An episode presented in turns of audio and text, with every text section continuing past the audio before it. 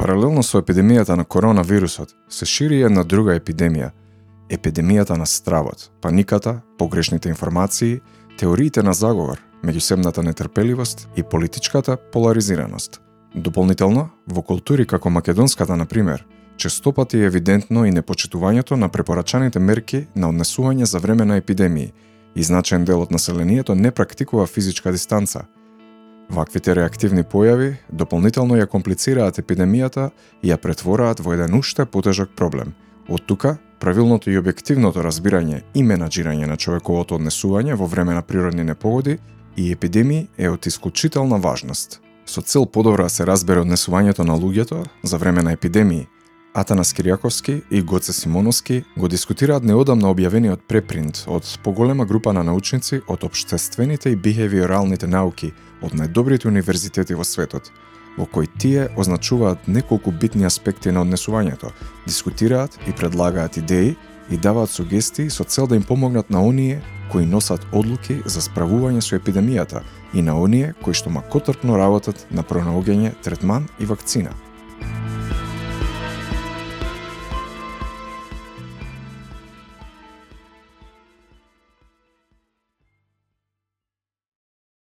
Здраво, Гоце, кај си, што правиш? Ништо, седеме дома во изолација, се јаде, се пие, све. Е, па, да, се јаде, се пие, се има. се има. Само ќе видиме до кога. Така, така. Ништо ќе мора да се издржи. Така што и ние ве, нели ќе мора да најдеме начини да да се подружиме малку. И дојдовме до идеја јас и ти преку денешниот телефонски повик, онака да разговараме, барем разговорот што го правиме, онака и секогаш во принцип правиме интересни разговори јас и ти, да не иде фазла. Рековме да го снимиме, онака и да го објавиме како подкаст Може. епизода. Посебно затоа што се однесува на една интересна тема во однос на пандемијава, нели, со коронавирусот. Односно, ние би сакале малку да поразговараме за околу социјалниот и психолошкиот аспект на пандемијата, и всушност да изанализираме еден интересен препринт кој што беше напишан и качен, тоест публикуван на Sci Archives. Инаку предпринт е верзија пред официјално нели принтање во некој научен, да, пред, пред официјално објавување во научно списание, нели. А како како некоја како рана објава на некој си документ и Во него се подпишане негде околу 36 uh, социјални научници и психолози и пол, мислам дека има од политички студии исто така од разно да, разни универзитети. Го, го имаш Прилично голем број. Да. 36 ако ги избравав добро. Од универзитети како New York University, Stanford, Yale, Harvard, значи баш баш да, онака големи имиња, да. Да, топ uh, универзитети во светот се целова идеја на овој предпринт, мислам ќе го линкуваме во описот на епизодава, за сите оние кои што сакаат да го прочитаат на своја волја. И, значи, во воведот, тука ова, ова група на научници всушност вели, односно, препознава дека главните актори, актери кои што се борат нели со пандемијата секако се медицинските и ме, докторите, медицинските работници, нели, докторки, така, да, да, да, докторите, медицинските сестри и така натаму. А, но и оние кои што се нели биолозите, подоцна нели епидемиолози, а, оние што се занимаваат со јавно здравство, компјутерски научници, имунолози, да, да имунолози и така натаму, но а, сепак викаат дека голема нели подкрепувачка улога на сите овие би биле и а, научниците, односно они експертите од областите како социјалните и бихевиоралните науки. Тоа се нели психологијата, невронауката, да речеме, психологија. да, антропологија, да дури дури дури нели социолози, а, политички научници и економисти кои што имаат што да имаат што да додадат и всушност нивното гледиште е дека тимовите кои што работат на борбата против а, оваа пандемија всушност би требале да бидат мултидисциплинарни. Значи да ги вклучат значи, и овие луѓе. Фактички се одвива да речеме некоја вид на војна на повеќе нивоа. Значи се одвива и значи сакаме и биолошки да ја елиминираме опасноста, сакаме и психолошки да ја елиминираме опасноста, социолошки така натаму. Така, дека затоа што е многу голем, значи комплексен проблем, не се работи само за а, како се вика ширење на одреден биолошки агенс или одреден нели вирус, туку се работи за ширење на разни психолошки да речеме стравови, перцепции помеѓу и тоа врз огромна популација, врз целата популација на планетава Земја, нели? И има некои научници дори сметаат дека при секоја епидемија практично се појавуваат две паралелни епидемии во исто време. Првата е нели епидемијата на вирусот, а на биолошкиот агенс, а другата е епидемијата на да речеме на психолошките конструкти, односно перцепцијата, мемињата кои што се шират, кои што произлегуваат. Психолошка еден, епидемија. Да, да, еден вид на психолошка епидемија, односно епидемија на реакција врз основа на биолошката епидемија. Така што е, битно да се разгледаат овие две работи. И уште поважно во овој момент, затоа што практично се наоѓаме се во овој момент бидејќи немаме ни, ниту третман, ниту вакцина, е, практично се наоѓаме во 14 век И во 14 век е, е, единствениот вет, зошто е 14 век? Затоа што тогаш се јавува она бубонска, како се вика, чума. Чума, да. Црна чума, бубонска чума, да. Која што уствари утепува, мислам поради неа умираат негде околу една четвртина од цела Европа, мислам од 14 век, тоа е Апсолутно 25%. Мислам дека и збршува прилика а, иста иста пропорција од светското население, така? Или па веројатно, да, мислам тешко да се да се процени врз основа на историските нели податоци, но проценката е дека скоро една четвртина од цела Европа, тоа се негде колку се од 70 до кај 150-200 милиони луѓе. Милиони. Да. И главниот метод всушност за време нели на бубанска чума или плег, како е, не знам, на македонски не е битно, е било нели бихевиоралната модификација. Од тој период потекнува зборот карантин. Така што немале лекарства, немале вакцини и практично ние сме сега во овој момент во истата ситуација. Освен бихевиорална контрола и модификација и влијание врз генералната популација, а, мислам други методи за сега немаме се уште додека не излезе лек или така. вакцина, така што Значи ова е на е, е, еден вид на а, моментално достапна под надводници вакцина која нели а, го пролонгира времето да се заразат и да се шири вирусот додека се изнајдат да речеме а, третмани, лекови и вакцини, така? Па и понатака, нели, и понатака за да се помогне целиот процес, најефективниот метод е оној метод на а, физичко дистанцирање. Подоцна ќе објасниме зошто зошто не го потребуваме терминот на социјално дистанцирање, нешто што често го слушаме во медиумите, но оваа група на пример на бихевиорални научници велат дека тоа не е баш добар термин да се користи во овој контекст. Да го објасниме сега или да го ставиме за после? Може, апсолутно може и сега. Е па зошто зошто не е добро да се користи? Зошто препорачуваат наместо социјално дистанцирање се користи терминот физичко дистанцирање? Затоа што терминот социјално дистанцирање имплицира и а, губење контакти со други луѓе. Значи имплицира и психолошки еден момент на на на осаменост. Додека физичко дистанцирање означува чисто само да не двајца да не бидат во ист простор. Тоа е целата поента, значи физичка дистанца да има, но тоа не значи дека не може да има и социјална конекција. Да, социјална... не се лишени так. од дружење. Од така, така, не се лишени токму од дружење. Еве како на пример јас и ти се, јас ти си на една локација, јас сум на друга локација, а ние комуницираме, не сме во сосема активен социјален контакт. Така што концептот за социјално дистанцирање делува онака создава една поинаква психолошка шема на однесување и може би е по подобро се мислам нивната онака идеја и препорака е подобро се употребува зборот физичко дистанцирање од колку социјално дистанцирање. Социјално. Ток, затоа што токму имплицира некои поинакви димензии на на човековото однесување. Така. А, ова е интересно што го зборуваш, затоа што а, ми се чини дека луѓето многу често а, нели се на некој начин излажани, дури психолошки излажани, на пример кога гледаат во телевизија, нели гледаат а, 3D а, предмети на дводимензионална а, површина. Значи, они се излажани дека гледаат нешто што е 3D, а всушност не е. На некој начин а, ние го лажеме, иако сме физички отсутни, го лажеме нашиот мозок дека иако сме физички отсутни, значи социјално комуницираме, а, се дружиме на некој начин, ги користиме нели средствата за комуникација, видео, јавување и слично, така? Да, значи чувството дека си во еден социјален контакт е многу битно и зачувано во во тој контекст. Битно е само да не видиш физички еден до друг, но битно е битно е исто колку што е битно да не бидеш физички еден до друг, исто толку е битно и да останеш во социјален контакт. Значи преку од дистанца, преку нели овие методи на комуникација. Денеска барем интернетот и технологијата се толку развиени што воопшто не е ни проблем. Значи многу лесно да, се значи, комуницира. на некој начин во среќа, во несреќа што имаме да речеме средства за комуникација кои ни го улеснуваат дружењето. Да, замисли ова да беше пред 100 години. Мислам тогаш имало да она нели шпански грип пандемија Шпански грип, да. 1918. Да. Па не мори 100 години, може и да одиме 30 години Еве 30 назад. години, да.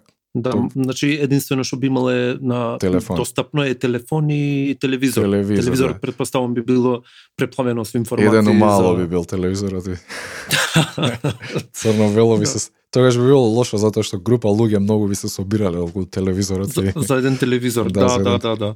не би било препорачливо. А, мислам, ова било случај, барем во Втора светска војна, баба ми ма кажувана дека се собирале цело мало, еден ќе купил телевизор и сите се собирале за да гледаат вести на телевизорот и тоа е од овој аспект наш моментално би било опасно, нели опасен преседан. Да, да, да, не би било препорачливо дефинитивно.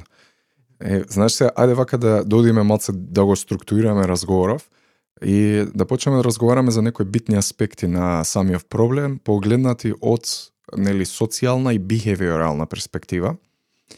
И едно од првите работи нели кои што м, кои што луѓето ги перцепираат за време на епидемија и на вака на ширење на болести е перцепцијата на некаква си опасност. Така? И... Закана некоја така. Да, закана, опасност.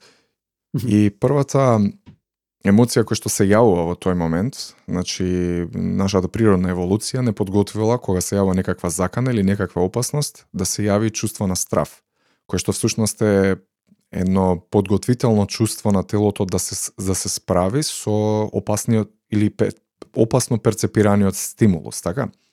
Значи го спрема телото за она што се нарекува flight or flight, fight or flight, значи да се бориш или да побегнеш. Ама и во двата случаи потребно ти е нели повеќе кислород во крвта, потребна ти е онака тем поголема тензија на мускулите, некои небитни онака вегетативни процеси од типот на не Дигестија. знам дигестија на храна престануваат да бидат толку битни во тој момент и ресурсите кои што се трошат таму се насочуваат кон е, нешто што може да ти помогне да избегаш или да се истепаш од ситуација, да се справиш. Е, Се битна е, битна работа во овој кон, контекст е значи нормално има некаква закана, луѓето се плашат да не се заразат и така натаму. И се битно да, да се напомене дека во модерно време ваквата масовност на на информациите околу на доаѓачката опасност како што е нели коронавирусот во време на мас медиуми и во време на социјални медиуми толку многу се амплифицира таа порака, значи што што е уште подлабоко го зголемува тоа чувството на на загрозеност од некаква си закана. И да, и мислам тоа е посебно во социјален контекст, од социјалните медиуми, затоа што ние сме еволуирале на некој начин, а, мислам, има еволуцијска смисла да ка, чека, како да го објаснам ова? А, кога кога се стравот на социјалните медиуми од заканата, нели за коронавирус или некоја друга епидемија или нешто, произлегува од фактот што ние сме еволуирале да бидеме многу по, подобри детектори и проценувачи на а, страв и проценувачи на уплашено несување кај другите отколку кај самите себе си.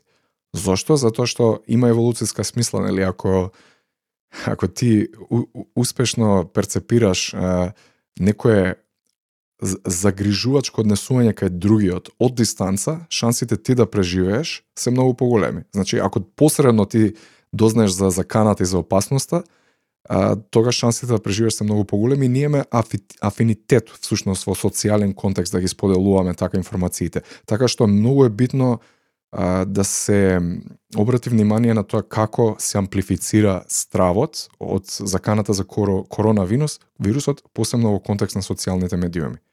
Што мислиш, се сложуваш? Да, да. А, интересно е дека нели во човековата психологија е факт дека еволуирала човековата психологија да, да има постои реакција само во услови на нели непосредна закана, на пример кога ако зогледаме змија или мечка или некој со оружје во рака или експлозија на бомба, нели, ако имам. Но, но не а, кога опасноста доаѓа постепено, како во случајот нели со пандемијава, кога на почеток нели пред 2-3 месеци беше нешто далечно. Сега нешто нели што таму постои некаде во Кина, за месец два а, еве се подоцна слушам дека некој подоле има луѓе заразени со истиот тој вирус што беше илјадници километри далеку. Нели бидејќи а, интересно е дека нашата психологија не може да го свати тој експоненцијален раст и начинот на кој се одвива се тоа. А, болеста нели се шири во почетокот полека, но подоцна расте експоненционално. Е, како што гледам дека на луѓево и на светот полека му станува јасно дека коронавирусот е сериозна закана. што мислиш ти во врска со ова? Па да, дефинитивно, мислам, стравот еволуирал за непосредна опасност и е стрикно поврзан, мислам, онака има многу силна социјална компонента и затоа и се во, затоа е возможно социјалните медиуми да го амплифицираат, тоест да го појачуваат многу многу повеќе пати. И ние сме, мислам, многу лесно знаеме да детектираме и да препознаеме страв кај други луѓе и нели истото штом штом го препознаеме стравот кај други луѓе, тогаш го амплифицираме стравот и кај нас самите. Значи, тоа ни активира некои процеси на да речеме на самоодбрана, посредно преку обсервирање на страв кај други други лица. И има една интересна компонента за која што луѓето би требало да бидат свесни кога ги поврзуваме овие работи. Значи може би еден вид на механизам на редуцирање нели на таа анксиозност, на тој страв кој што произлегува, а тоа е така наречениот а, оптимизам бајас, како е на македонски бајас, заблуда? А, тенденција кон оптимизам, пред, предпоставувам во, во контекст. Да, Затоа што има спротивно на оптимизам бајас, има негативити бајас, на пример тенденција кон негативно. Mm -hmm. пример она што го спомна пред малку дека информациите со негова негативна содржина имаат поголем ефект така, поголема валентност. психолошка да, состојба да. отколку неутрални или позитивни информации. Така, точно. Значи да, точниот превод во овој контекст е точно тенденција би било така нешто. Значи тоа кога кога луѓето во принцип а, онака погрешно веруваат врз основа на некој си чувство дека шансите тие да заболат од болеста се помали или дека нема да заболат или дека ќе живеат многу подолго од колку што е нели просекот. Значи никој не мисли за себе дека ќе за, ќе заболи. Дека да, дека дека ќе биде во некаква опасност или дека нешто лошо ќе му се случи. Да, мислам дека ова е докажано и претходно, нели во на пример во случај со пушачи, а нели а, процентуално е многу поголема а, шансата да заболат од респираторни или канцерни заболувања отколку они самите што можат да проценат, нели си го минимизираат или влегуваат во некој емотивен комфорт, комфорт, а, каде што на некој начин психолошки ја минимизираат опасноста, така? Да, значи веруваат едноставно дека нема да ми се случи тоа мене. И си наоѓаат нели разни изговори, онака наоѓаат разни е, така наречени докази под наводници во средината, си изговори и така натаму со цел да го намалат тој а, нели таа анксиозност, тој страф и тоа води кон една ете таква или и, тенденција кон оптимизам или и заблуда на некој начин во исто време.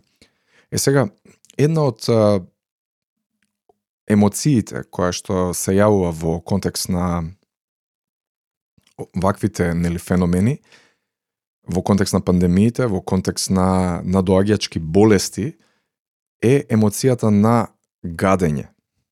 Нели, она на англиски е disgust. Тоа е една од основните емоции од една од универзалните емоции кои што се дефинирани во литературата, оние што се заинтересирани Пол Екман можат да го дзинат. И практично идејата е научниците да мислат дека оваа емоција на гадење всушност еволуирала токму од причини на самопрезервација на телото од да речеме од потенцијално скапана храна, од потенцијално а, од потенцијални паразити и така натаму. Значи, природно сме еволуирале чувство да се оддалечуваме од такви стимули кои што имаат лош мирис, лош изглед, онака како Или што други изгледа. културни норми, нели, кои не ни се допаѓаат, може и Да, тоа да, значи сега зборуваме за потеклото, за биолошкото и физиолошко потекло, Мгм, нели мгм. така и Дарвин во својата книга емоциите на кај човекот и животните, за нивното потекло, исто така тој ја базира тезата дека нели нашите социјални емоции кои што ги имаме во моментов, овие шест универзални емоции на а, радост, изненадување, гадење, гнев, страв и тага. Тоа се тие шест нели емоции. Всушност потекнуваат од одредени наши физиолошки состојби на телото, еве како што збориме во контекст на гадењето, нешто што имало физиолошка и биолошка вредност за нас да обстанеме како вид. Значи, ако јас се оддалечам, ако имам а, физиолошка реакција во телото која што е аверзивна, која што е негативна, тогаш ме оддалечува од стимулот кој што ја предизвикува. Значи, ако видам нешто скапано, ги го собирам носот и онака ги затворам очите и се оддалечувам. Јасно, да. Е сега тоа и ова ти што го спомнаш се екс, се шири, се проширува понатака кон разни видови на социјални стимули, не само Значи, биолошки. зазема друг контекст, контекст. Така, се рециклира на некој начин таа емоција. И во овој случај, на пример, луѓе чувствуваат ам, да речеме гадење од од од луѓе кои што имаат на пример Потенцијално зараз, носители на зараза, така? така и носители на зараза, ама и на многу повисоко ниво, на пример луѓе кои што имаат дури и различни да морални вредности. Значи, дури моралот можеме да го базираме во чувството на гадење, нешто што е нешто што го сметаме за за добро, за привлечно, за прифатливо и нешто што го сметаме за погрешно, за лошо и така натаму. Да, да, всу- всушност морално гадење и постои како концепт во behavioralна наука, колку што знам јас барем. Да, да, управо си. Да, да, да. Е сега, што може да се направи за да се редуцира тој тоа чувство на гадење од останатите луѓе? Значи, имаме чувство значи на страф рековме, имаме чувство на гадење како како само презерваторен, како само заштитнички механизам, нели емотивен врз основа на некакви си болести и луѓе потенцијални преносители и така натаму. Е сега што е препораката тука нели кај групава научници у Препринтов е препорачуваат фреквентна и транспарентна комуникација нели за кризава и битно е да се комуницира за за проблемот, да се објаснуваат работите постојано затоа што нели луѓето почнуваат емотивно да резонираат за работите наместо рационално. Да се даваат нели на пример модели, рол рол модели како се викаат оние Пример. примери, Да, така, да. така, така. Примери кои што се однесувале позитивно да се истакнуваат и да се истакнуваат однесувања, тоест да се истакнуваат, да се наградуваат и да се воздигнуваат однесувања кои што е се онака а, пример за за останатите и преку тоа значи да се интервенира со цел да се намали тоа чувство на морализирање во негативен контекст. Мгм, мгм. Значи, на некој начин да се инспирираме од а, нечи несебични дела, така? Да, да.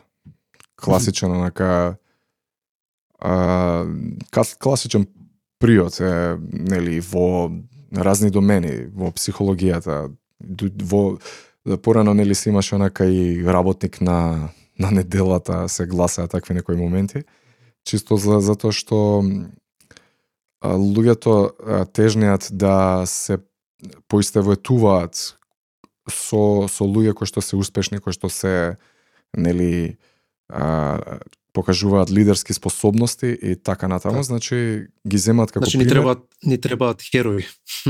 Па треба почесто се зборува за позитивни примери всушност. Значи наместо да се зборува ам, колку луѓе умреле, да се потенцира таа информација, на пример да се потенцира повеќе колку луѓе преживеале, да се направи на пример, не знам, муабет со нив, репортажа некоја медиумска, како се сногеат, ако ги видиш, мислам, насмеани после предизвикот, нели, ако ги видиш излекувани и насмеани, тоа мислам ќе делува многу онака позитивно кај кај народов, мислам, ако видат таков некој пример на Но, индиректно ќе делува веројатно добро и на на здравјето. И а, нели ако премногу имаш хроничен стрес и анксиозност, тоа може да има големи импликации врз личното здравје и имунолошкиот систем, така? Да, да, секакви импликации, секако, секако. Но значи, тука... од есенцијална важност е да се минимизира неизвестност, да се минимизира а, анксиозност, негативни а, мисли. Битно е да се да да се да се менаџира јавната перцепција на проблемов. Тоа е, е нај, најмногу што може да помогнат социјалните и бихевиоралните научници е во таа насока. Значи да ги поддржат биолозите и медицинските здравствените работници во таа насока со со дизајнирање на стратегии околу модификување на однесувањето кај луѓето. И на пример нели имаше еден период каде што луѓе онака хордира, како се вика, нели, собира, купува без безпрекорно без, без безмерно многу тоалетна хартија и складирање некои работи. и тоа произлегува токму од тоној екзистенцијален страф нели од од болести од короната и една еден вид на кој, кој што создава едни да речеме копии на однесување а, во во јавноста и создава еден менталитет на така наречена zero sum game или како е на македонски zero sum а, збир збир нула игра на игра каде што збирот е, е секојаш нула. Тоа значи дека кога едниот добива, секојаш другиот губи во суштина. И обратно. Да, и mm -hmm. таквото однесување, на пример, тоа тоа панично и хистерично купување, на пример, многу тоалетна хартија или некои работи, сигнализира еден вид на на zero sum game, значи на сигнализира едно несување кое што сите мислат дека ова е компетитивна игра помеѓу нас, каде што едните ако ако ако купат ќе нема за нас и ние брзаме потоцна да излеземе така и ние да купиме. Јасно, јасно, интересно. И, и, и тука е таа еден еден fit forward механизам сушност, но ако но ако навлезеш во деталите на пример на епидемиолог на на пандемијава, пандемијата не е не е zero sum game, затоа што во одреден момент секогаш секој има потенцијал да се зарази. Така што а, и многу повеќе има, имаме бенефит за сите нас на колективно ниво ако се несуваме одговорно, отколку ако секој влезе во менталниот нели склоп на zero sum game и на компетитивност едни со други, каде што се гледаме нели како грабаат луѓе по супермаркети, затоа што само заеднички, организирано и стрпливо може да ја преброиме оваа пандемија, пандемија, mm -hmm. а не со некоја значи... си компетитивност и колективно mm -hmm. мас лудило. Значи, наместо колективно лудило, нас ни треба и колективна одговорност. Значи, апелот е дека луѓето да не собираат залудно производи на тоалетна хартија, лекови или не знам што друго. А, затоа што на тој начин индиректно прави а, недостапни производи за оние кои навистина имаат потреба од тоа. Да, да, да. Но, но за, според мене поголем е проблемот што создава импресија на на, на, на криза, што создава еден впечаток на ова баш тоа на, на надпревар, на трка за ресурси. Значи трка за ресурси, а колку што знам јас, колку што имам информација, производителите и понатаму си работат, значи на некој начин е ирационално. Да, да, секако, секако. И создава, уствари е така, нерационално однесување кое што создава по поголема криза, паника и страв кај луѓето.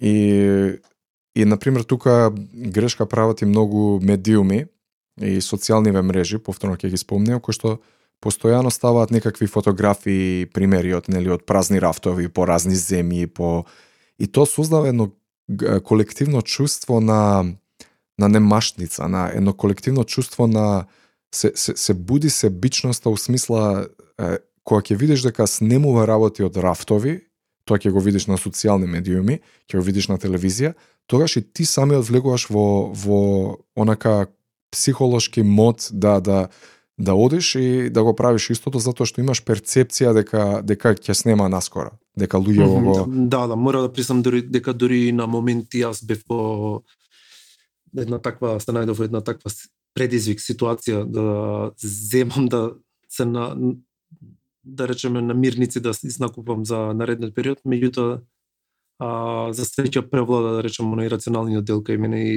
почекав малку.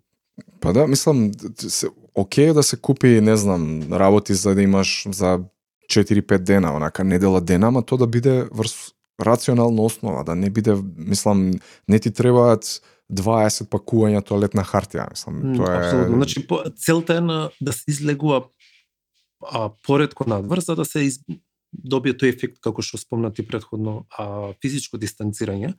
Значи добре е да се иде да неколку дена и да се соберат намирници производи со цел за да може да функционираш наредниве неколку дена.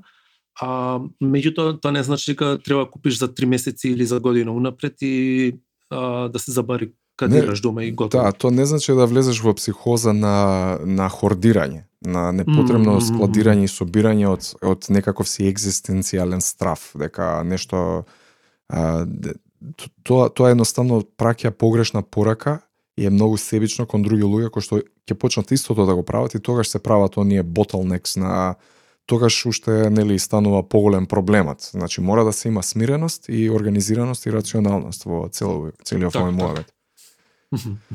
Ам, исто знаеш една интересна обсервација на пример од бубонската чума ли како ли как чума Црна чума. црна чума така го Да, викаме народски така мислам дека го bubonic plague мислам дека Да. беше предизвикано од бактерија мислам во во тој случај. Не било вирус било бактерија али не се.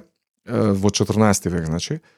Една од работите кои што нели подоцна историчарите ги анализираат последиците на таквите чуми, таквите пандемии, е феноменот, на пример, на зголемено насилство во такви периоди.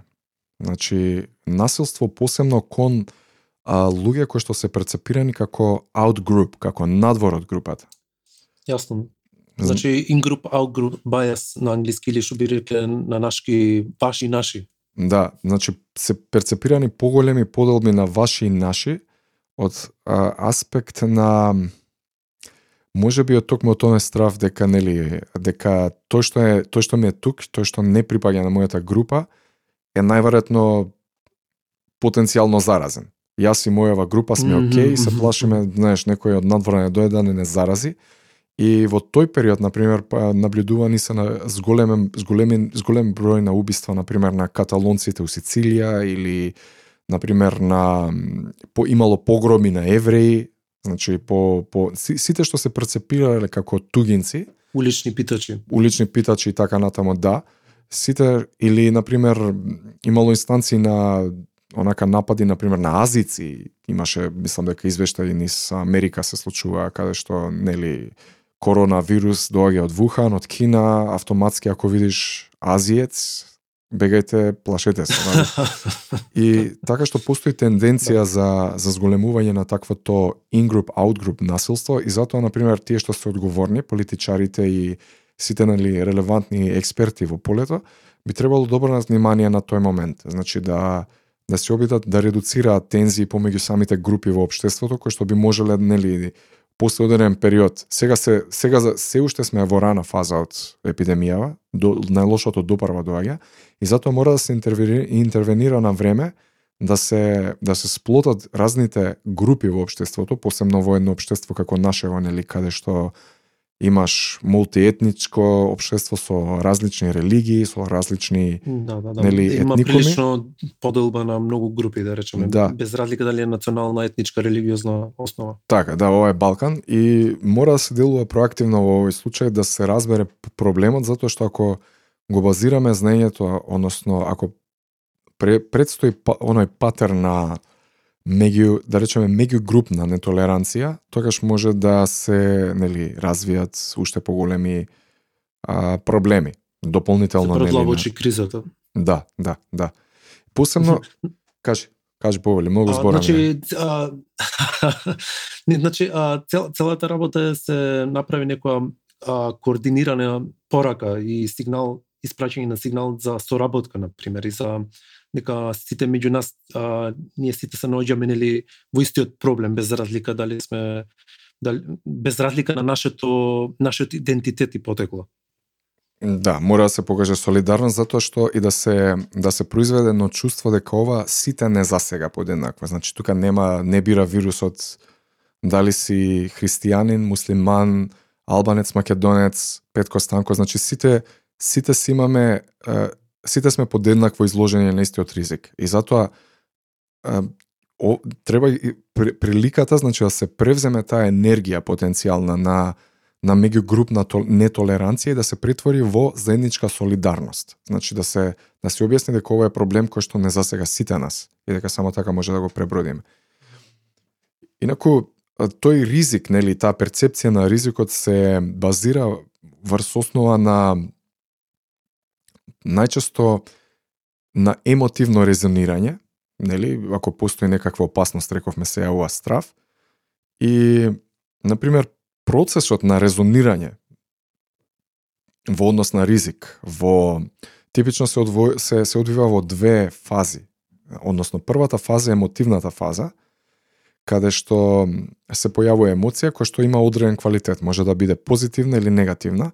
И сега интересниот факт е што а, каква емоција ќе се појави обично во првата фаза во однос на менаџирањето на ризикот, на пример, во однос на перцепирањето на ризикот, така понатаму резонираме и процесираме информации кои што се во согласност со првичната емоција.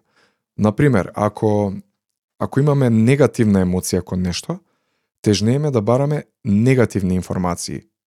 Понатака, значи ти, ти негативната и тоест квалитетот на емоцијата е конгруентен, така се вика, со видот на информациите подоцна кои што ги резонираме.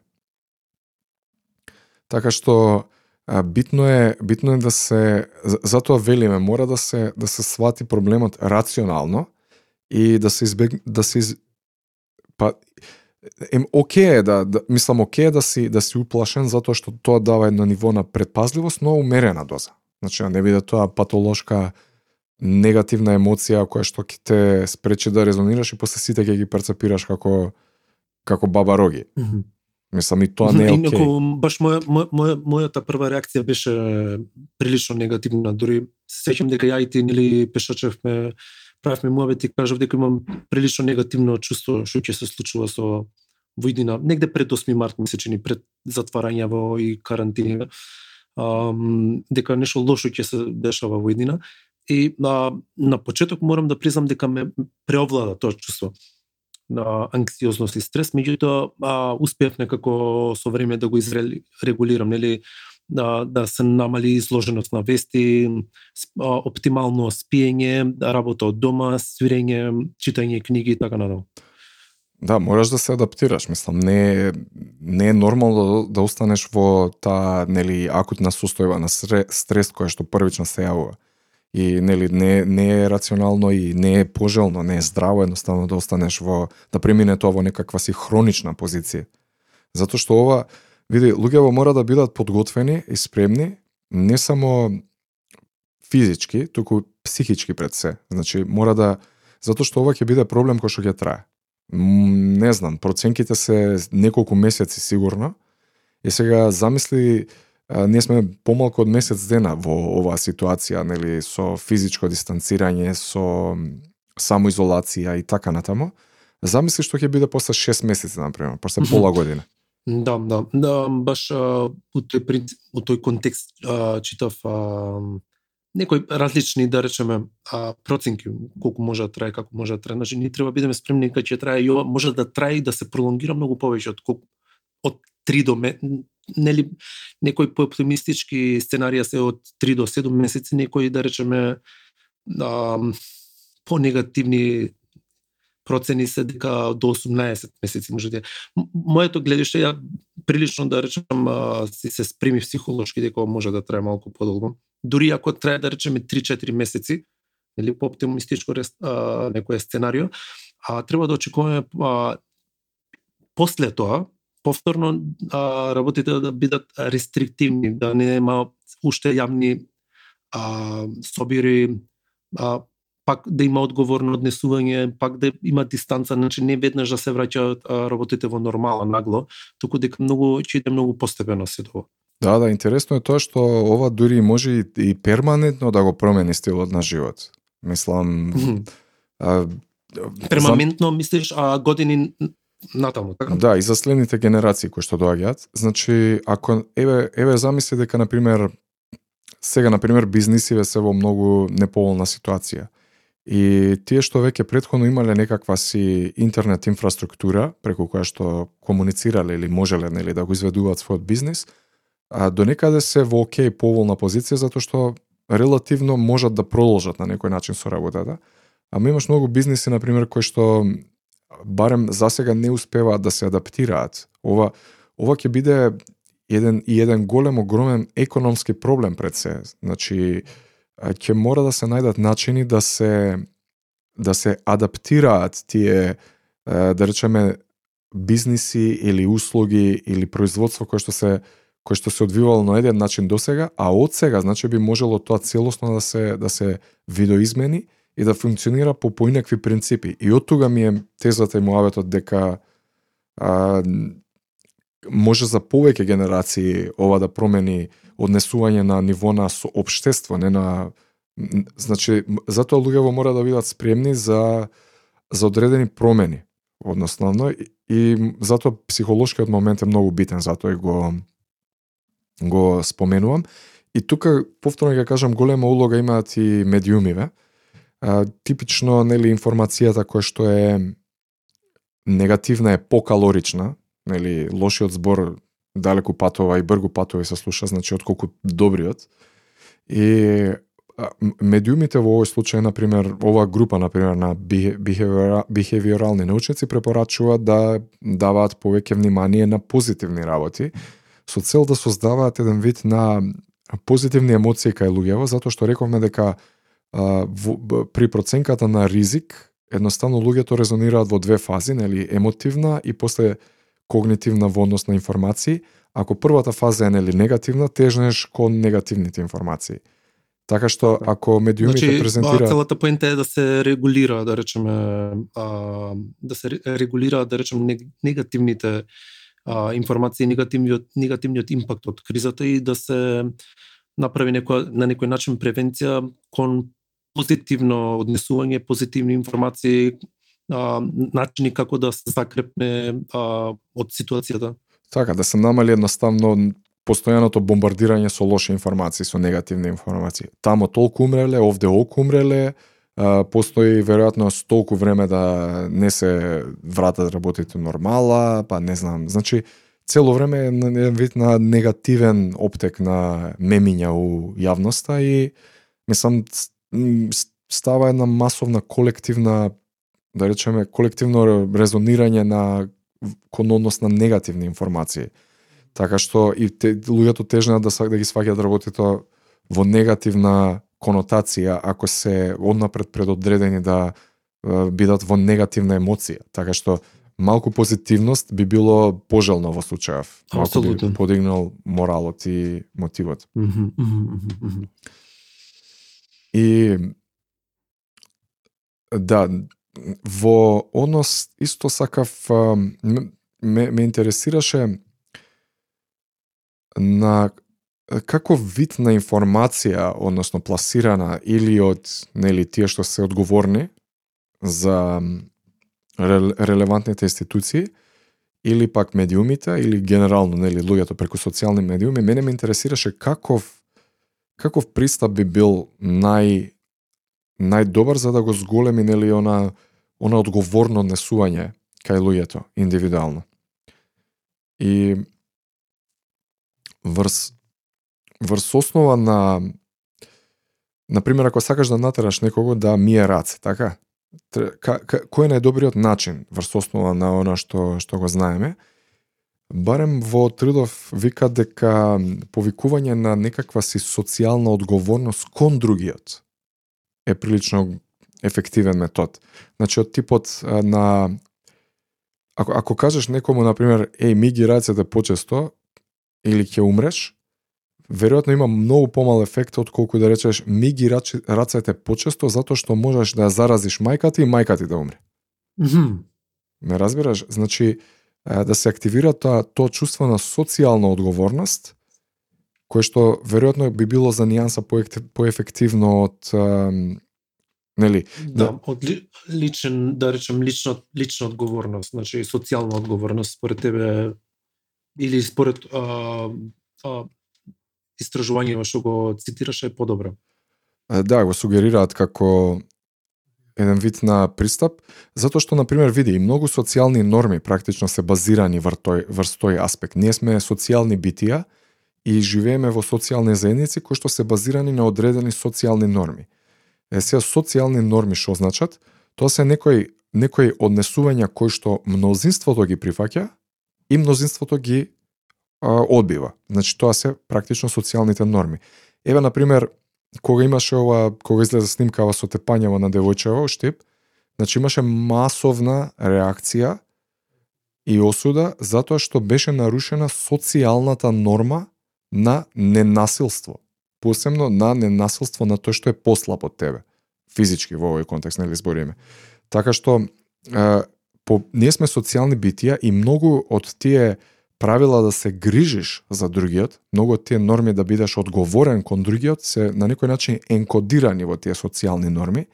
И повикувањето на тоа, на пример, однесувај се одговорно да не го заразиш твојот брат, твојата мајка, твојата девојка, жена, твоето дете и така натаму, би имало убав ефект, мислам, повеќе врз основа на цитираниот труд, отколку да биде, знаеш, мирација за тоа што ќе умреш. Значи, примарната поента е да се заштити, да бидеш одговорен кон некој друг. И сега, но, многу многу зборувам се чувствувам слободно улета и умрам а, така. Ти нема проблема, ма сега сепак ти си експерт. така да тебе ти давам предност секако. Јас сум само студент и тоа моментално нели на намирување заради ситуацијата, дури предходно беше поради други работи, така да тебе ти давам секако предност да говориш, баш е интересно ова што го кажа до сега. Што ми што мислиш за ам, што може да се направи на пример за луѓе да се заштитат, да речеме да, во смисла да се направи да се справат со стресот, со анксиозноста, со со ефект, а, менталните ефекти предизвикани од една ваква пандемија? Па секако да да најдат да да продолжат да се придржуваат кон оние работи кои што нели ги правеле и предходно, кои што ги правеле срекни. Значи добар дел од нив а, не знам, имале разни хобија по дома. Значи имале разни интереси кон кои што се нели приложувал или пак добар начин е да почнеш да развиваш ново хоби, на пример, кое што е приврзано со средината во која што се наоѓаш. може би е добро време да, да онака да да создаваш вештини кои што би би биле би ти дале предност да бидеш само одржлив на долг рок од типот нели да научиш да готвиш од типот да научиш да онака да да користиш на пример компјутери и да да да, да научиш што е тоа телекомуникација. Затоа што верувам дека ќе тежнат работите да одат кон таа насока да се повеќе и повеќе да се он тоа се вика во формалните да се дистрибуира процесот на работа преку да, нели, редистрибуција на некој начин. Да, на пример да се работи од далечина како што и впрочем и сега почнуваме, така што тежнење кон старите хобија кои што нели ти создавале задоволство и интереси кои што претходно си ги имала се а не а не а, бараат нели да физички да бидеш блиску до луѓе. Ако не на пример да се обидеш да создадеш нови хобија од типот еве на пример секогаш си сакал да научиш да свириш гитара така? Тоа е исто онака верувам интересно хоби за за луѓе кои што имаат таков интерес и тоа е онака можеш да потрошиш буквално сати и сати онака вежбање и свирење и буквално да, да заборавиш се околу тебе. Потребно време на светот.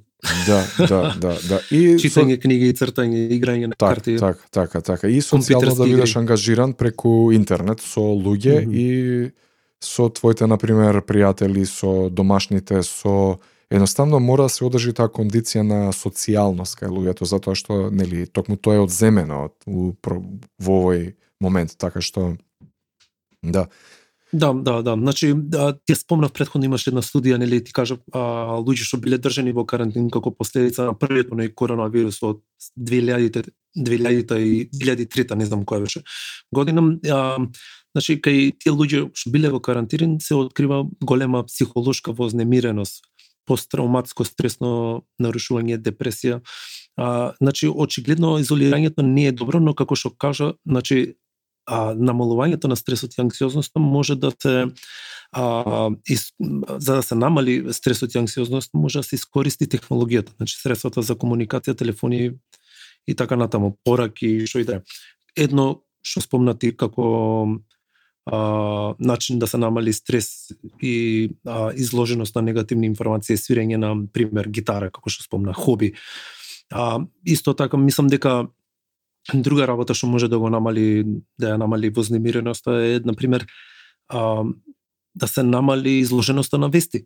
На пример, да се гледаат вести еднаш на ден, па дури еднаш на два-три дена. И да се избегнуваат социјални медиуми што е можно повеќе. На пример, интернетот апсолутно може да го користиме, значи мораме да бидеме а, на некој начин а, ригорозни, дисциплинирани, да знаеме зашто го користиме интернетот. Затоа што многу лесно можеме нели преку социјални а, а, мрежи да наблеземе во вести, во негативни, некоја негативна спирала и повторно да се вратиме назад во Да се амплифицира стравот, како што реков. Mm -hmm. Иако звучи парадоксално, нели викаме да се поврзеш преку компјутер и да бидеш да. социјален, ама Поентата е кога, мислам, тоа треба да биде таргетирано и да биде со луѓе кои што на вистина ти значат и со луѓе кои што на вистина имаш онака однос и муавет. Социјалните медиуми тежнеат да бидат е, е, еден вид на колективно однесување, Значи, каде што немаш буквално директно однос со некоја посебна личност, туку едноставно сите постираат некакви си пораки кои што се синхронизираат обично на некаква си негативна тема во моментов и тоа го амплифицира на стравон, таксиозноста и така натаму. Така што јас лично мислам дека малку ако намалиш, ако одбегнеш, например, од читање се што на Facebook, ако го користиш Facebook, например, да комуницираш со луѓе кои што стварно ти се блиски, драги со кој што ќе бидеш продуктивен, нели ќе имаш една здрава социјална конекција, тогаш да, ама не во смисла да седиш некај да губиш време да скролаш по таймлайн да, да читаш да. кој што како кажал и мислам дека тоа е малце непродуктивно и mm -hmm, mm -hmm. Добро, значи тоа на некој начин пак си бара некоја лична дисциплина. Значи мора а, да се научиме да се редисциплинираме на некој начин да да избегнуваме такви информации, да избегнуваме а, лавината од негативни а, написи и слично. Исто мислам дека друга работа што може сега да се искористи во овој момент е а, повремено да се вежба барем. Нели бидејќи знаеме дека а, вежбањето слободува ендорфин, на пример, а, мал се стимнува нели оно анксиозно чувство. А, анксиозноста, дури депресивните симптоми се намалуваат, така да мислам дека во овој случај е исто така тоа полезно. А, сакав да, да вратам предходно, значи, а, спомнавме социјални мрежи, спомнав написи, на пример има моментално нели теории на заговор се јавуваат а, со појавата на на на е, знаеш што, знаеш за тоа се мислев да направиме една така посебна дискусија околу тоа пошто е навистина интересна самата тема по себе има многу да се каже.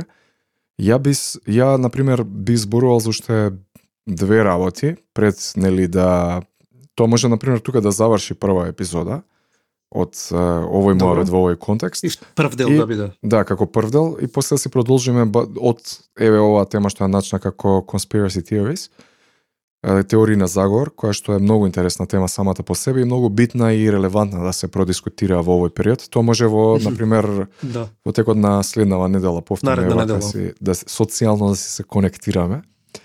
И Супер. Са, само пред пред да го привршуваме разговоров, ја би спомнал уште две а, два аспекти на проблемот кои што се исто така многу битни и релевантни во случајов. Тоа е првиот аспект е аспектот на културата Значи, културата во која што се појавува проблемот, број еден, и вториот аспект е политичката поларизација нешто што мислам дека исто многу важно да се разговара во моментов и како овие две работи всушност се влегуваат, тоест ин, се инкорпорираат во проблемов со пандемија. Например, многу е битно во каква култура се појавува пандемијата исто така. Нели имаме култури да, од... дали, да, дали во индивидуалистичка или колективистичка, предпоставувам. Да, број 1 и број 2, она се користи термин tight cultures, tight или loose cultures. Значи, tight cultures е нешто како стегнати култури, како Со строги правила. Строги, да, строги култури, така нешто би, би било и loose cultures би било нешто како слободни култури, како поопуштени култури. И Например, примери за, за, за тие строги култури се оние азиските, источно-азиските култури, како Сингапур, како Јапонија, баш. Да, како Кина, каде што постојат нели строги социјални правила и во формална смисла, не само во неформална смисла. И типично за за таквите строги култури се претпостава дека еволуирале од причини што што тамошните географски подрачја често пати во минатото се среќавале со вакви проблеми. Значи со проблеми од типот на епидемии, со проблеми од типот на природни непогоди како што се монсуми, тајфуни, земјотреси и така натаму. Mm -hmm. И... Ова беше интересно, баш а, мислам дека оваа дискусија имаше начнато Сапулски во неговата книга Behave, дури вели дека а, можно е овие разлики како индивидуализам или колективизам а, или а, строги правила наспроти полабави правила, всушност може би имаат и дури и генетска основа. Тоа беше интересно. Па да, мислам сигурно еволуирале во комбинација со под притисок на средината во која што се наоѓаат тие култури. И, и еве да го земеме конкретно примеров, еве примери на на строги култури би биле Сингапур, Јапонија, Кина, Јужна Кореја и така натаму, а пример на на на, на поопуштени култури би биле на пример Италија, Америка и на пример Латинска Америка, нели Бразил и така натаму. Каде што социјалните норми, односно несувањето на луѓето е послободно, во смисла а, не се сваќаат сериозно некои си сериозно сериозни работи. Еве типичен пример е Италија, нели, каде што луѓето излегуваат на кафе, не носат на пример маски и видовме што се случи како последица, а во овие строги култури каде што веќе се имаат изгорено претходно нели со SARS 1, со MERS, со други нели тие свински грипови или кои беа уште птичи азиски грипови, нели имаше разни. Значи, во таквите подрачја, каде што честопати се јавуваат епидемии, каде што честопати се појавуваат вакви проблеми, веројатно самите култури се адаптирале на тоа и сваќаат дека во вакво време не само што мораш да си одговорен социјално, не само што е доблесно и морално, например, да носиш заштитна маска. Туку и таквиот стил на размислување е инкорпориран и во, да речеме, и во легислативата, и во таа културолошка матрица, матрица каде што луѓето привремено се, се, се желни, например, да се откажат од некој си свој слободи, со цел затоа што сваќаат дека ова е ова е далеку поголем проблем. Значи, а доека културите кои што за, за го гледаме и успехот, например, на Јужна Кореја и, и Кина, со прилично драстични мерки, онака строги мерки да се а, запре епидемијата, односно да се намали, да се забави. И гледаме што се случува во култури како Италија и Америка, каде што, каде што повеќе се, се вреднува уствари слободата како принцип. И, например, типично во такви култури би имало поголема отпорност кон мерки на социјална изолација затоа што луѓето би рекле кој си ти мене да ми забраниш да да, да излегувам да, надвор. Да. повеќе се почитува слободата, нели на пример а, баш ако гледаме статистички крива, кривата на на овие земји што ги спомна а, Сингапур, Јапонија, Кина, Јужна Кореја имаат може да се види може би со исклучок во запад Германија би ставил како можен исклучок меѓутоа тоа овие земји очигледно добро се справуваат со кризава а, се гледа дека има доста повеќе посинхронизирани се поорганизирани така. Апсолутно, да, да, да, да, да. По по подготвени за за вакви предизници затоа што се имаат орга, такво изгорено и кога доаѓа повторно те ваков проблем, тие тежнат да да се придржуваат кон правила, значи да имаат само дисциплина и прифаќаат да бидат на пример и казнети доколку го прекршат правилото, тоа го прифаќаат како нели како морална одговорност.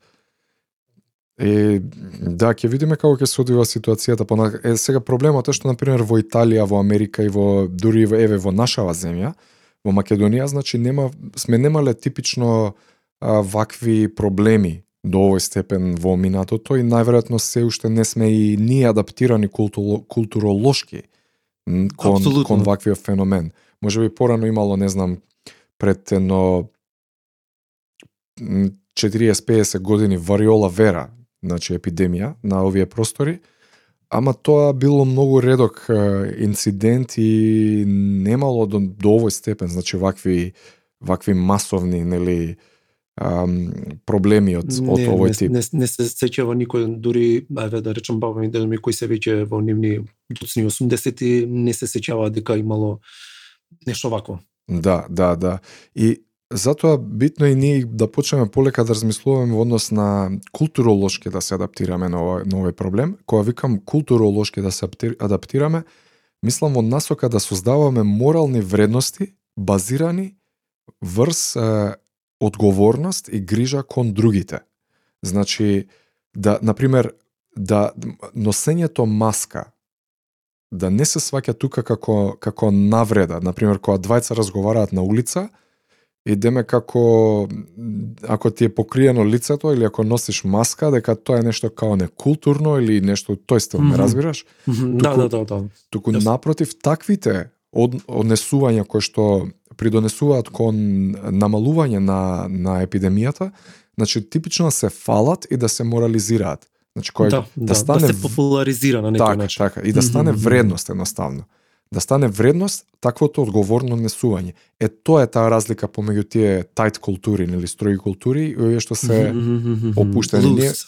лус, да, да, да. А, да, баш од тоа мене ми се чини дека не баш ги почитуваат уште препораки за на пример собири групи држење на дистанца а, морам јас сам да ги избегнувам луѓето па дури има и некоја што погледуваат погледнуваат накриво ако се далечиш од нив нагло или биде или избегнеш директен контакт, нели? Да. Кажа дека од психолошки аспект дека луѓе уште мислат дека ова само некоја врста на грип и дека не е толку сериозно. Се, да, го сваќаат да... како сезонски како сезонски проблем, а всушност не е сезонски, многу далеку поголем не, не, Не, не, не, да, не, апсолутно затоа што допрева зема замав. Мене ми е страв да прогнозирам, ама мислам дека ова што зборуваш ти дека треба да се популаризира таквиот стил на живење многу треба брзо да се делува, бидејќи да, неодговорно однесување можно е да донесе а, не знам жариште да станеме за неколку недели од сега, па Мора да се променат тие културолошки навики. Значи, Абсолютно. таа ние досега генерации и генерации на Балканов биле тренирани да се социализираат преку нели одење на кафе секој ден. Е сега да. нагло го снемува тој таа можност, тој феномен, тој метод на социализирање и луѓето се некако во некој си а, во некој лимбо, чистилиште, значи ни ваму ни таму, ни во пекол ни во рај. И сега а, мора ако се делува проактивно од психолошка гледна точка, мора да се создадат нови вредности и да се прифатат дури и нови начини на комуникација, како што реков, значи да биде состема нормално двајца да разговараат на оддалеченост од 2 метри, со маски и со нараквици. И тоа да не се сваќа како нешто чудно, погрешно, посебно во вакви периоди кои што стварно мора да се пребродат и да се издржат.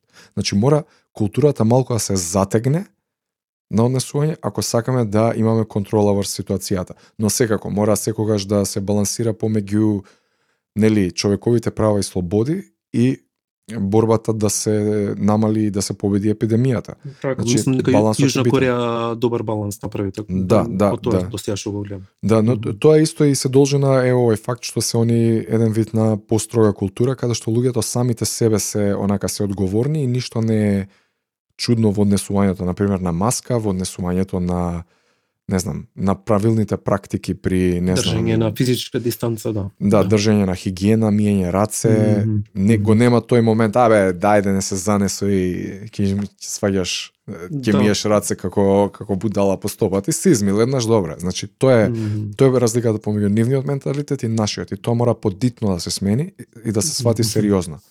Така. И јас се сложувам Да, да. со тебе дека во Тетово и јас истото го наблюдувам тука и кај, кај мене во зградава, нонстоп има нагоре, надолу, трчање, зборување, собирање по ходници, по тоа е Не, од, не, одење значи, на гости едни на други, кај не, други. не се не се свесни луѓето дека може што може да ги чека за многу кратко време. Бидејќи Да, нели да. за кратко време ова експоненцијално се движи, за кратко време дојде ова, сега Да. за сега. Значи, како што рече, ако не се делува проактивно, а, последиците може да бидат страшни. Така, така. И знаеш што? Мора тоа да им се каже на луѓето дека ќе биде страшно ако не се преземе сега. Е, тоа е предизвикот. Тоа е стварно предизвикот. Уште повеќе што, на пример, во зградава живеат луѓе кои што немаат ниту интернет, на пример. Ти се верува? Значи, немаат интернет конекција дома, може имаат на телефон, има луѓе кои што имаат само телефон од оние обичните Nokia со, со да, стари модели. старите модели, немаат никакви социјални профили М, без апликации, без ништо.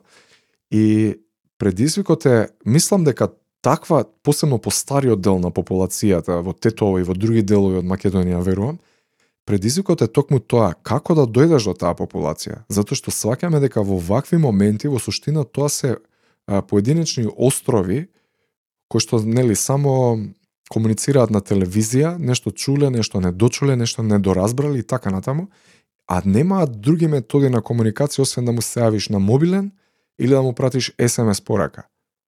И е, многу е тешко да се организира една таква група на луѓе и да се убеди да да се однесува одговорно колективно затоа што нема дури ни методи на комуникација со нив како што треба. И мора искрено стварно да се отворат овие проблеми и луѓе кои што се одговорни во во тој дел ќе почнат да мора да почнат да размислуваат како ќе стигне пораката до тие луѓе. Телевизија не е доволно, очигледно еве гледам и јас и ти што се случува низ градов на пример или по другиве градови. Така што мора да се мора да се најде некој метод на на конвертирање и на комуницирање, значи масовно комуницирање во исто време. На пример, додека живее во Јапонија, имаше а, оние некои механизми на рано предупредување од земјотреси каде што ти стига порака, на пример, на сите телефони ти стига нотификација Интересно. ако се очекува некој земјотрес, на пример, ако има некоја добра веројатност да се случи, чисто да бидеш едно 10-15 секунди подготвен пред да се случи, да можеш да се засолнеш.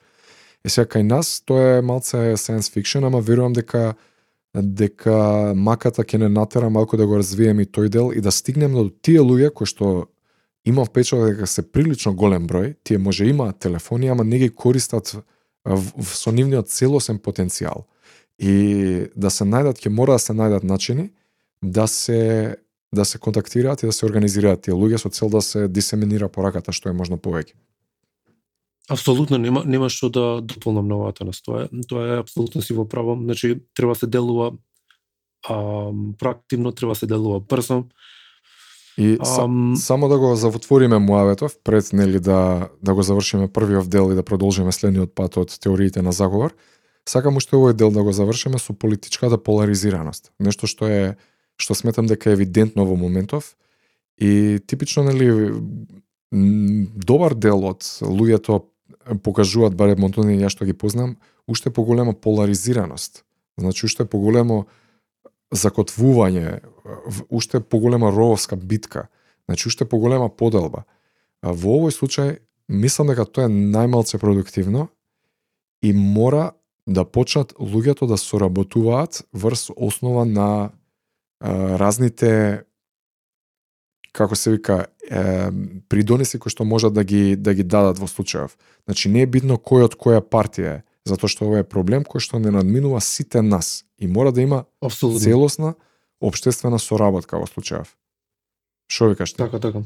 А, апсолутно треба, значи, овие, што се да речем, партијаши, што ги викаме, значи, да избегнат више од тие ехо комори. Да почнат да комуницираат едни, со други, да сватат дека, како што рече, дека ова е поголем од нас, дека само соработката може да не а, извади од ситуацијава. Без разлика дали се станува збор за пронаоѓање на вакцина, без разлика дали станува збор за а, намалување на анксиозност, значи без разлика дали става збор за други социјални или економски реперкусии што може да ги донесе нели ова. Апсолутно, значи моментално ни треба соработка, ни треба кооперативност, ни треба Да. а, однесување, ново однесување. Така, А, секоја до рака за помош е добро дојдена, така? Апсолутно, апсолутно. Всушност и тоа е целата поента да се искористи оваа ситуација, истовремено да се спречи таа поларизација политичка и на други основи, и да се искористи моментот да се деполаризира општеството, односно да се деполитизира и да го сватиме проблемот колку и да е тежок, колку и да е лош, во, нели, што се вика во, во несреќа среќа, значи, што ми имаме заеднички непријател, тоа би требало да, да не обедини, да не солидиз, солидаризира, наместо да ни да ни ги продлабочи разликите. И мислам дека дека мора веќе да престанеме да бидеме политички коректни и кон ова прашање и ќе мора отворено да зборуваме за работите и ќе мора да се солидаризираме е, со еден со друг да ги премостиме нашите граници затоа што ова е далеку посериозен проблем кој што не познава граници. Така што Апсолутно, и тоа не сега, тоа е, може да биде, треба да сватиме дека може да дешава и во иднина, дури а, можно е појава повторно додека сме живи. така, така, Та, така. значи, очигледно, мислам дека имаше дури од епидемиолози а, а, предупредување дека и со подигнување нели на климатската на, на глобалните температури исто може да се а, да се зажари а, појавата на нови а, зарази на вируси, вирусни или бактериски инфекции. Така да на некој начин ова апсолутно не засега сите, мислам дека единствен начин за да се намали или да се отстрани проблем поготово овој проблем моментално што не не напаѓа е во соработка и разбирање. Епа, супер. Ајде на ова позитивна нота да го завршиме и денешниот прв дел од Муаветов. Се надевам дека ќе биде се во ред да продолжиме со следниот муабет за од моментот на теорија на заговор, како тие нели се создаваат за време на вакви пандемии, за време на вакви нели кризи и од тука ќе го преземе муабетот. Се надевам дека ќе биде исто така интересен за разговарање и за слушање, се надевам за слушателите во следниот дел. Одлично, Атанас, фала ти за убавиот муавет. Е, год се фала ти на тебе и се слушаме и остани остани со добро и чувајте се. Исто. Поздрав. Ајде, поздрав.